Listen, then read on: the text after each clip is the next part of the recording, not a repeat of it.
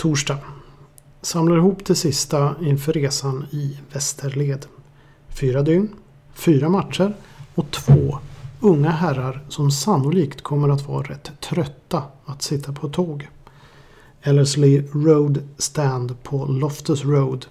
Riverside Lower Stand på Craven Cottage. Upper Balance på Goodison Park och The Q Railing Stand Lower Block på Bet 365 Stadium. Det är mina och min 14-årige sons destinationer de närmaste dagarna.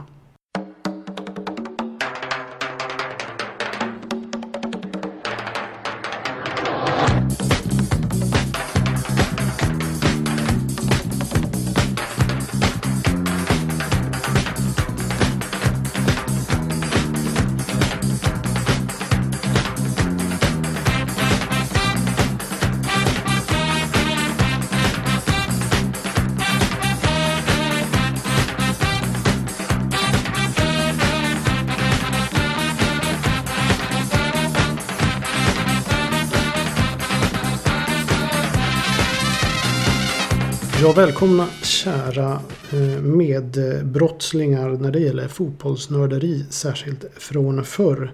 Det här är ju Sveriges absolut eh, nördigaste fotbollspodd. Det kan man väl lugnt säga. Vi går på djupet och vi går smalt på djupet. Ungefär som Jacques Cousteau gjorde en gång i tiden. Jag återkommer till djuphavsdykaren Cousteau. Podden sänds ju på fredag. Och då är vi förhoppningsvis i luften, jag och min son, på vår resa i västerled. En resa som spinner på den gamla klassiskt brittiska uppställningen 4-4-2. Fyra dygn, fyra matcher och två unga herrar. Ja, eller unga unga. Jag är väl inte purung men min 14-årige son är ju inte lastgammal direkt. Vi har rest på fotbollsresor tillsammans förr men denna gång tar vi fotbollskonsumtionskondisen ytterligare ett snäpp. Anländer på fredag i västra London för att på kvällen bege oss till Loftus Road och se Queens Park Rangers möta Brentford i ett West London Derby. Säkerligen inte helt lysande placerade långt ut på Ellerslie Road Stand men det gör inte så mycket när vi sitter så pass nära plan att vi lär kunna känna doften av gräs. Faktiskt mitt första besök på Loftus Road. På lördag handlar det om att försöka hinna med besök på Stamford Bridge och kanske framförallt Brentfords Griffin Park. Den senare är arenan som uppges ha en pub i varje hörn. Vilka vi kanske inte kan besöka eftersom jag har en 14-åring med mig men väl dokumentera och traska runt i området för att ta in känslan av The Bees som det också kallas.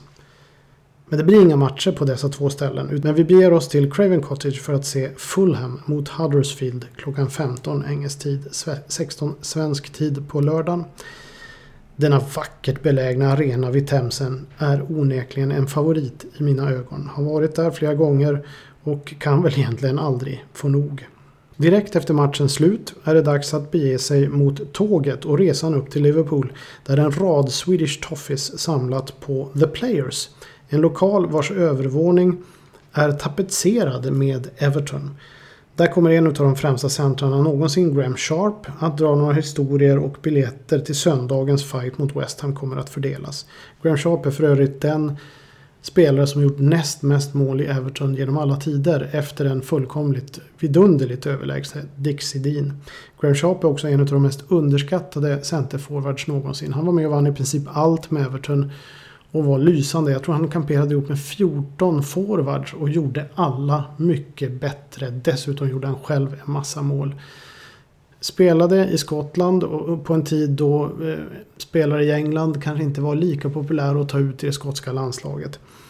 Eh, och det var dessutom hård konkurrens. Men han var fantastisk. Han gjorde till exempel Gary Lineker mycket, mycket bättre under den period som Lineker vann skytteligan med Everton under det år han var där. Och många fler. Eh, den perfekta target-playern egentligen. Tyvärr lär vi väl dock inte hinna fram i tid för att höra Sharp och sannolikt blir det en tidig kväll. För på söndag hoppas jag mig få ett snack med Swedish Toffees inför matchen eh, som jag kan använda till podden. Men eh, sen är det raka vägen till Thomas Frost på Walton Road där sedvanlig uppladdning och dålig börjare samt kanske någon öl till mig Härlig trängsel och spekulationer om matchen innan man beger sig mot Gursen. För vår del brukar vi alltid gå via Spellow Lane. Och Spellow Lane är en av vägarna, en av gatorna som går upp mot Goodison Park lite tidigare så att säga. Och där sägs det att, eller vi vet att Tommy Lawton har berättat. Tommy Lawton var ännu en av de legendariska centerforwardarna i Everton under 30-talet. Och han ersatte den största av dem alla, Dick Sedin. Och första gången han anlände till Goodison Park så klev han av spårvagnen som gick då vid Spellow Lane och spårvagnskonduktören sa då till eh, Tommy Lawton att Good luck lad but you'll never be as good as Dixie. Sen promenerade han upp och likt vi så reser sig den gamla damen likt en onämnbart vacker drottning i ett i övrigt ganska rufft område. Men där historiens vinslag kan kännas under varje steg när du går framåt. Och vi brukar vilja gå runt någon timme, känna doften av njurpaj, köpa ett fanzin, gå in i kyrkan St. Lukes kanske och titta till där, där de också säljer halsdukar med mera. Det är nästan den bästa tiden innan matchen när man går runt arenan. Det är ett utsålt Gurrisund där Everton tar emot West Ham. Men matchens dignitet är betydligt större än bara en enkel Premier League-match. I fjol, när jag och sonen vaknade på morgonen, också i Liverpool, för att se matchen mot Manchester United. Då bodde vi på Adelphi Hotel, det så anrika, där så många historiska personer inom och utom fotbollen vistats genom åren. Men ack så risigt numera. Det erbjöds endast en tjock-tv där.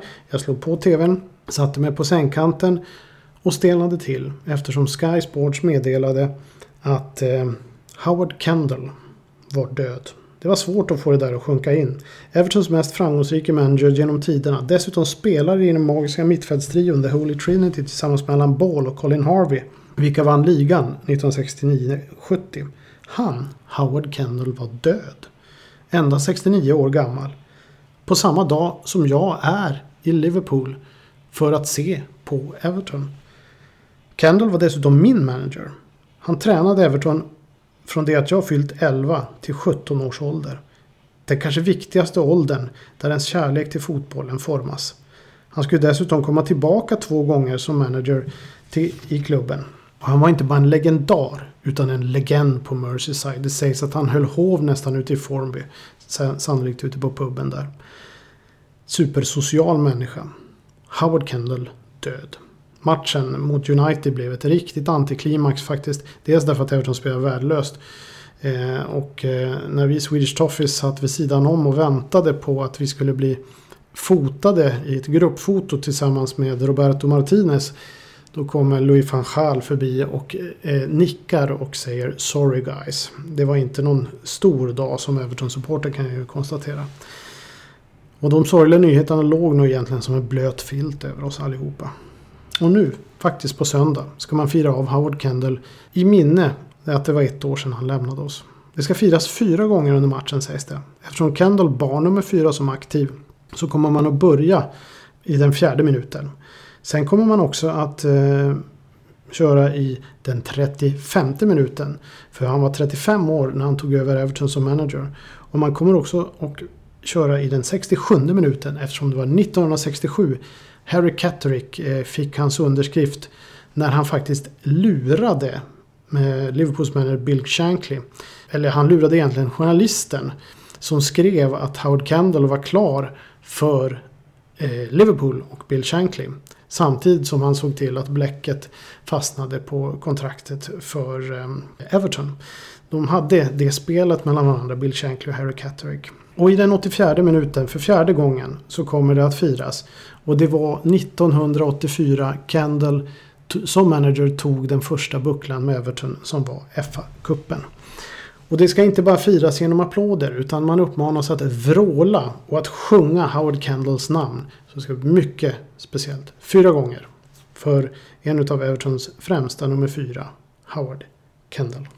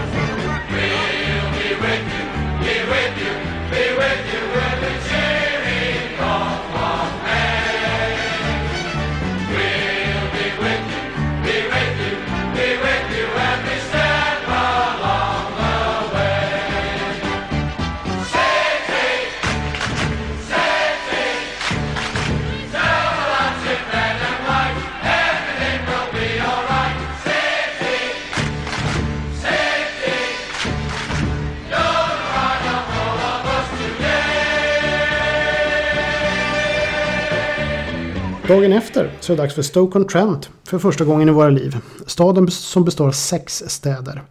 Staden som delas av Port Vale och Stoke City. Staden där man kan äta oatcake. Där ett av Englands främsta och tidigaste fanzine också heter Oatcake. A Windy Night in Stoke, stället som Putte Kock hatade då det blåste på gamla Victoria Ground så att han aldrig fick fart på cigarren när han var där i Tipsextras begynnelse för att kommentera. Putte Kock är en, en svensk idrottslegendar på alla sätt och vis. Matchen Stoke-Swansea går av stapeln sen sent på kvällen. Så eftermiddagen ska ägnas åt att suga i oss Stokes sex olika städer. Och jag kan tänka mig att vi gör ett litet besök i stadsstaden Hanley bland annat. För att eh, eh, där var ju ändå Sir Stanley Matthews en av de kanske främsta högeryttrar England har haft. En av de främsta spelare England har haft någonsin. Han föddes där. Han spelade i Stoke och i Blackpool. Och framförallt i England. Och, eh, det kan ju vara kul faktiskt att få vandra lite grann i hans fotspår. Och faktiskt E. Smith, kaptenen på The Titanic, är också född faktiskt i Henley. Men det finns fler, fler ställen att, att besöka. Bland annat har vi, har vi fått jättebra tips på vad man kan göra från Swedish Stokes representant Henrik Claesson. Emellan allt detta ska jag försöka skriva och podda och hoppas få med mig material till nästa avsnitt. Och kanske vi gör något avsnitt mitt emellan också. Vi kanske gör det ordinarie avsnitt nästa fredag och kanske någonting mitt emellan. Vi har ju också de här Old School Football Short Stories. De ska vara små korta snuttar som jag har utlovat men ännu inte lyckats producera. Men det blir någonting och jag ska försöka samla inspirerande material och känna på miljön på alla dessa ställen och nästan leva mig in i det så gott jag bara kan med ett nostalgisk och historisk perspektiv. Det kommer ju då kanske, nu har det blivit mycket Everton eftersom det är det som är känslomässigt viktigast just nu med tanke på Howard Kendall. Men i de poddarna eller de berättelserna om jag skriver dem också så kommer det bli mer Queens Park Rangers, Fulham och Stoke. Eh, och kanske vi kan komma in lite på Huddersfield också. Som har eh, legendariska managers som Herbert Chapman på 20-talet som gjorde dem bäst i England. Och Bill Shankly som också tränade dem innan han gick till Liverpool. Eh, vi får se. Och Brentford och Griffin Park ska se vad man upplever där egentligen. Men i detta avsnitt tänkte jag ta en sväng till och jag tänkte fokusera på Howard Kendall. Min manager.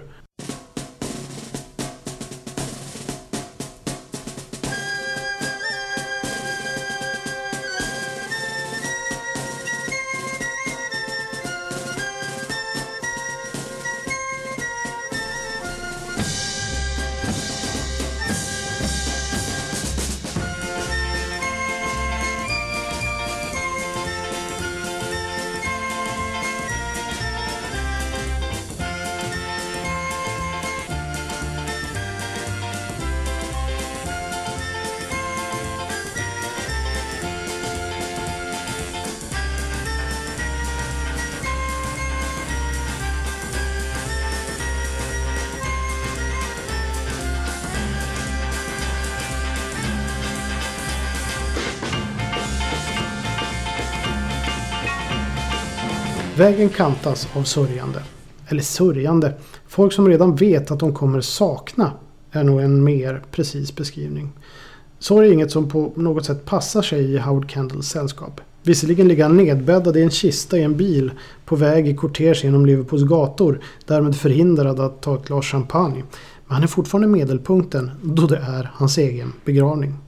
Larger than life är en beskrivning som ofta återkommer när det gäller Howard Kendall.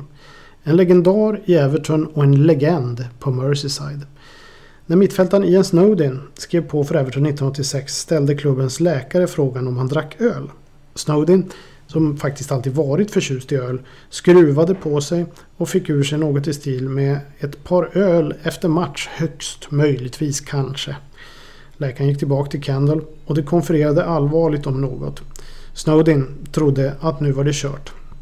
Han skulle inte ha sagt något om att dricka överhuvudtaget. Domen var rak och tydlig. Undersökningen hade gått galant, utom på en punkt. Öldrickandet. Endast ett par öl duger inte. I Everton dominerar man såväl matcher som den sociala scenen på kvällarna. Ian Snowden, som nobbat Liverpool Football Club till förmån för Kendall, passade perfekt in i gänget. Som så många andra i Howard Keldons lag från 80-talet. Allt byggde på stark sammanhållning och minst lika starka karaktärer som kunde ta för sig oavsett var de befann sig. Det var så han ville ha det och det var så han skapade framgång. Howard Kendall var en av de eh, sista engelska managers som med modest budget, för förbi var tiden när Everton var checkbook millionaires på 60-talet, skapade ett fantastiskt lag som vann ligan två gånger, FA-cupen en gång, cupvinnarcupen en gång. Dessutom ytterligare två FA-cupfinaler, en ligacupfinal och en andra plats i ligan. Allt mellan 1984 och 1987. Det var ett spelande lag. Ett lag som på några få år bestod av idel landslagsmän. Men det var också ett lag som kunde bita i, get in eller sort people out. Inga blyga violer utan högljudda personligheter som målvakten Neville Southall, lagkaptenen Kevin Ratcliffe, mittfältaren Peter Reed och forwards som Andy Gray och Graham Sharp.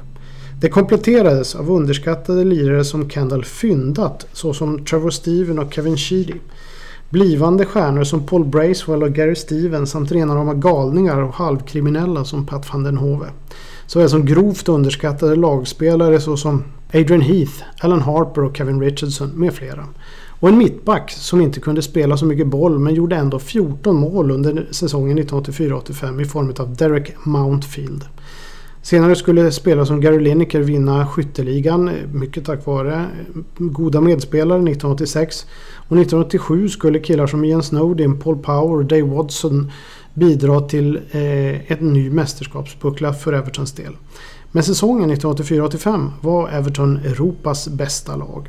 De vann ligan och cupvinnarcupen överlägset och hade, in, hade det inte varit för stumma ben och ett fantastiskt mål av Manchester Uniteds Norman Whiteside som senare faktiskt gick till Everton i förlängningen av FA-cupfinalen hade det blivit en historisk trippel. Tyvärr inträffade Hazel-katastrofen bara några dagar efter att Everton-fansen skött sig alldeles utmärkt i samband med cupvinnarcupfinalen och hade det inte varit för avstängningen i Europa som blev av eftersom Liverpool och Juventus spelade Europacupfinal och där så, som slutade med att eh, 39 Juventus-fans faktiskt dog efter bråk på läktarna där. Och hade det inte varit för, för denna Hazel-katastrof och avstängningen i Europa så hade det nog blivit än fler titlar från ett ungt, självsäkert och välspelande lag. Visst blev det i och för sig då fler titlar men laget vittrade långsamt sönder eftersom det fanns så mycket kvalitet och det ville givetvis mäta sig mot det allra främsta i Europa. Inte minst Howard Kendall själv som efter hans andra ligaseger lämnade 1987 för Athletic Club Bilbao. Märkligt val kan tyckas men faktum var att han var nästan halvklar för FC Barcelona men den dåvarande managern där Terry Venables valde att stanna i Katalonien och då dog affären ut och istället så begav sig Howard Kendall till Baskien eftersom han egentligen redan tagit beslutet att lämna. Så stort var behovet att få spela i Europa.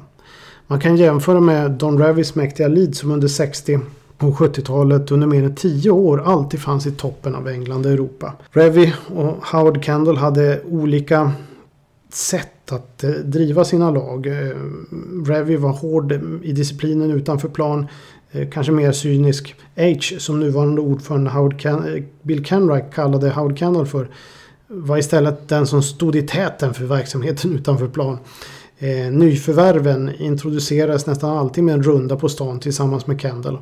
Och när det var lite oroligt eller gick tyngre då gick alla på Kina-krog tillsammans och sommarturnéerna handlade om att släppa bekymmer. Fotbollsmässigt ville Kendall återknyta dessutom till traditionen med den skickliga fartfyllda passningsfotbollen som han själv var en del av i mittfältstrion The Holy Trinity som vann ligan för Everton 1969-70. Men om du inte tog en tackling, satte in en tackling eller visade mod så fanns det ingen plats i laget. Kendall var oerhört skicklig på att veta vilka spelare som var bäst just nu och vilka som skulle spela hans bästa elva. Han var också, som alla framgångsrika managers från förr, en mästare på att veta när en spelare skulle säljas eller köpas. Ofta fanns där en chosefri hänsynslöshet även om han var en eh, mycket vass man-to-man manager. Det gällde dock bara för dem han trodde på. Hade inte Hazel och avstängningen inträffat så hade Kendall, likt Revy, haft minst ett decennium av framgång med sina spelare. Ett klassiskt exempel på Howard Kendalls godkände var när Everton i halvtid låg under med 0-1 i cupvinnarcupsemifinalen mot FC Bayern München. Hemma på Goodison 1985. Det hade slutat 0-0 i München och Everton behövde därmed två mål. En lugn Kendall konstaterar att den där Augenthaler sjunker djupare än Cousteau så ger bollarna till Andy Gray och Graham Sharp and the Gladys Street end will suck the goals in for you. Klaus Augenthaler var tyskarens libero och Jacques Cousteau var då en känd djuphavsfilmare vars alster också var populära i Sverige under 70-talet. Gladys Street End är Evertons kortsida där de mest trofasta och högljudda fansen stod och numera sitter.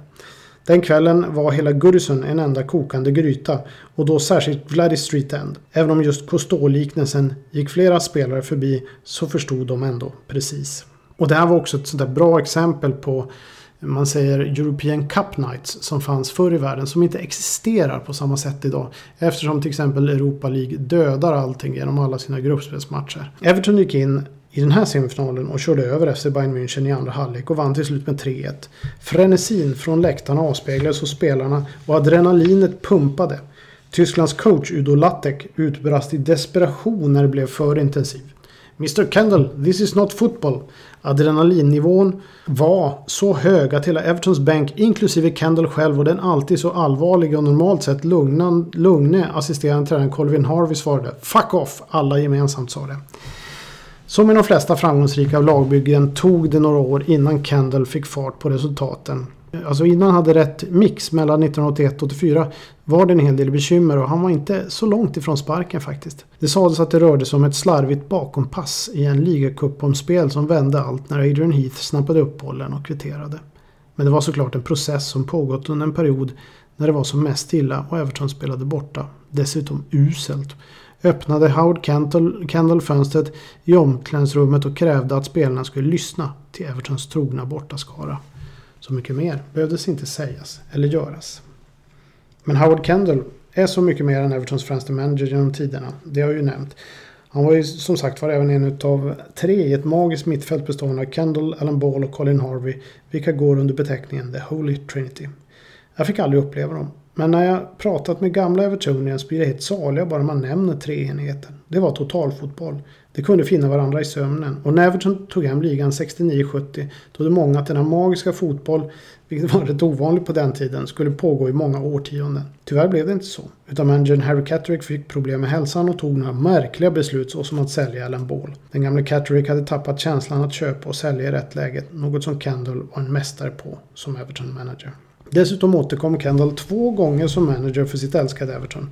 Den första gången från Manchester City, där det gick rätt så bra men H konstaterade att City visserligen var en bra älskarinna, men Everton var ett äktenskap. Återföreningar i äktenskap funkar ju inte alltid och resultatmässigt blev det ingen succé någon av gångerna.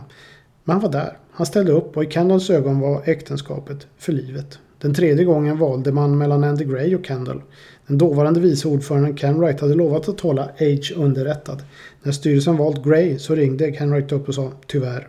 Sedan tackade Gray nej, visade det sig. Eftersom han fick ett nytt och extremt guldkantat kontrakt som kommentator på Sky Sports. Ken Wright började då att jaga Kendall som lämnat landet och befann sig på Magaluf. Efter många om och men lyckades de få tag på varandra och inga hard feelings. Howard Kendall svarade ännu en gång Ja. ja, jag har säkert missat viktiga delar av Kanadas arv till den engelska fotbollen. Vilket vore lite illa. Då har jag nästan läst allt om min manager eh, Howard Kendall. Men det är för nära helt enkelt. Jag har svårt att sortera intryck och fakta som är viktiga. Det är därför det här avsnittet blir längre än vad ett normalt avsnitt brukar bli på Old School Podcast. Jag kommer att spränga min berömda 25 minuters gräns som jag har lovat att aldrig spränga. Men så är det. Allt är viktigt när det gäller Kendall i mina ögon.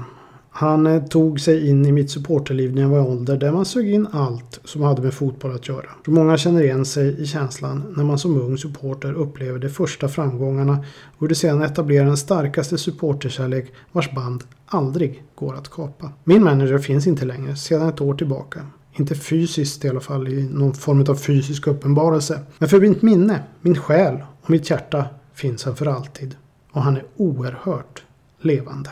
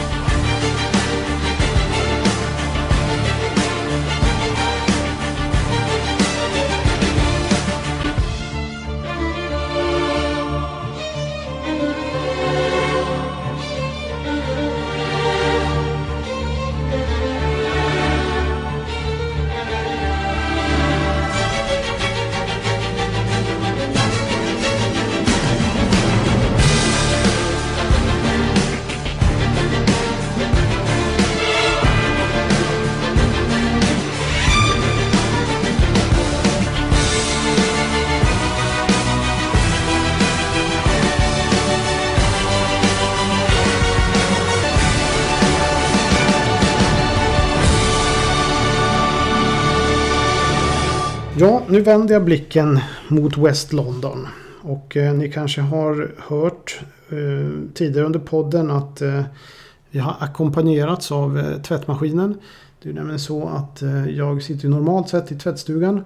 Men nu var jag tvungen att sätta mig utanför tvättstugan då min fru hade bokat tvätttid. Det är lite så när man är en ensam poddare att eh, man får ta den tid som finns. Och tiden är knapp eftersom jag ska till England imorgon bitti. Så jag måste spela in.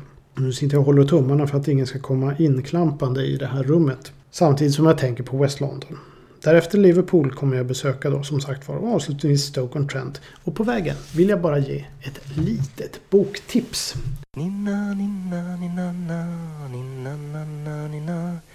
nina, nina, nina, nina. Nina, nina, nina, nina, nina, nina, nina. Na, na, na, nina. Nina, nina, nina, na. Nina, na, na, nina. Nina, na, na, nina, na, na. Nina, na, na, nina.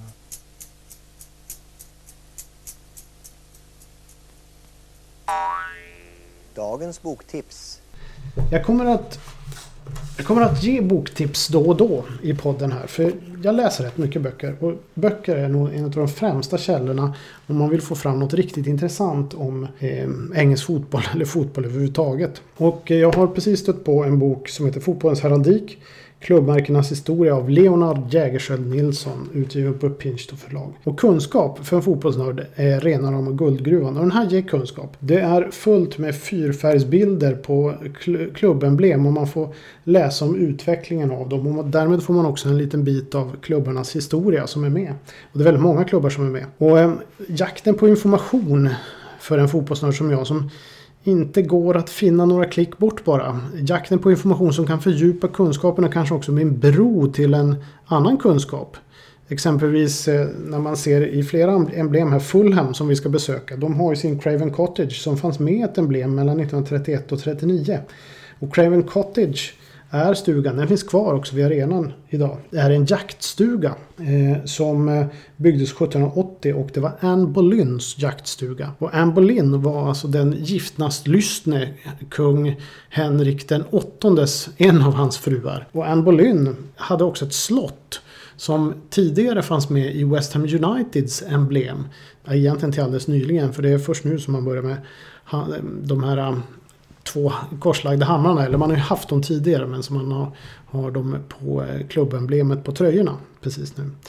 Och ehm, Anne Boleyn gav ju också namnet till eh, West Hams dåvarande hemmaarena. Boleyn Ground eller Upton Park om man så vill. Och det är också ett minne blott numera. Men som sagt var, det här är en fantastisk bok. Det finns väldigt mycket heraldik att läsa bland och oerhört behaglig att eh, titta i. Och du, samtidigt som du får de här bilderna, samtidigt som du får emblemens historia, får du också en liten del utav fotbollslagens historia. Världsfotbollens heraldik av Leonard Jägerskiöld Nilsson. Ett tips faktiskt. Och det funkar bra även om man inte är fotbollsnörd. Men nu, nu är det dags att stänga ner för idag. Old School Fotboll grovt överträder sin normala sändningstid. Men det är i väntan på lördag och jag är på väg till West London för vidare färd mot andra äventyr i västerled. Så nu säger jag bara skål på er!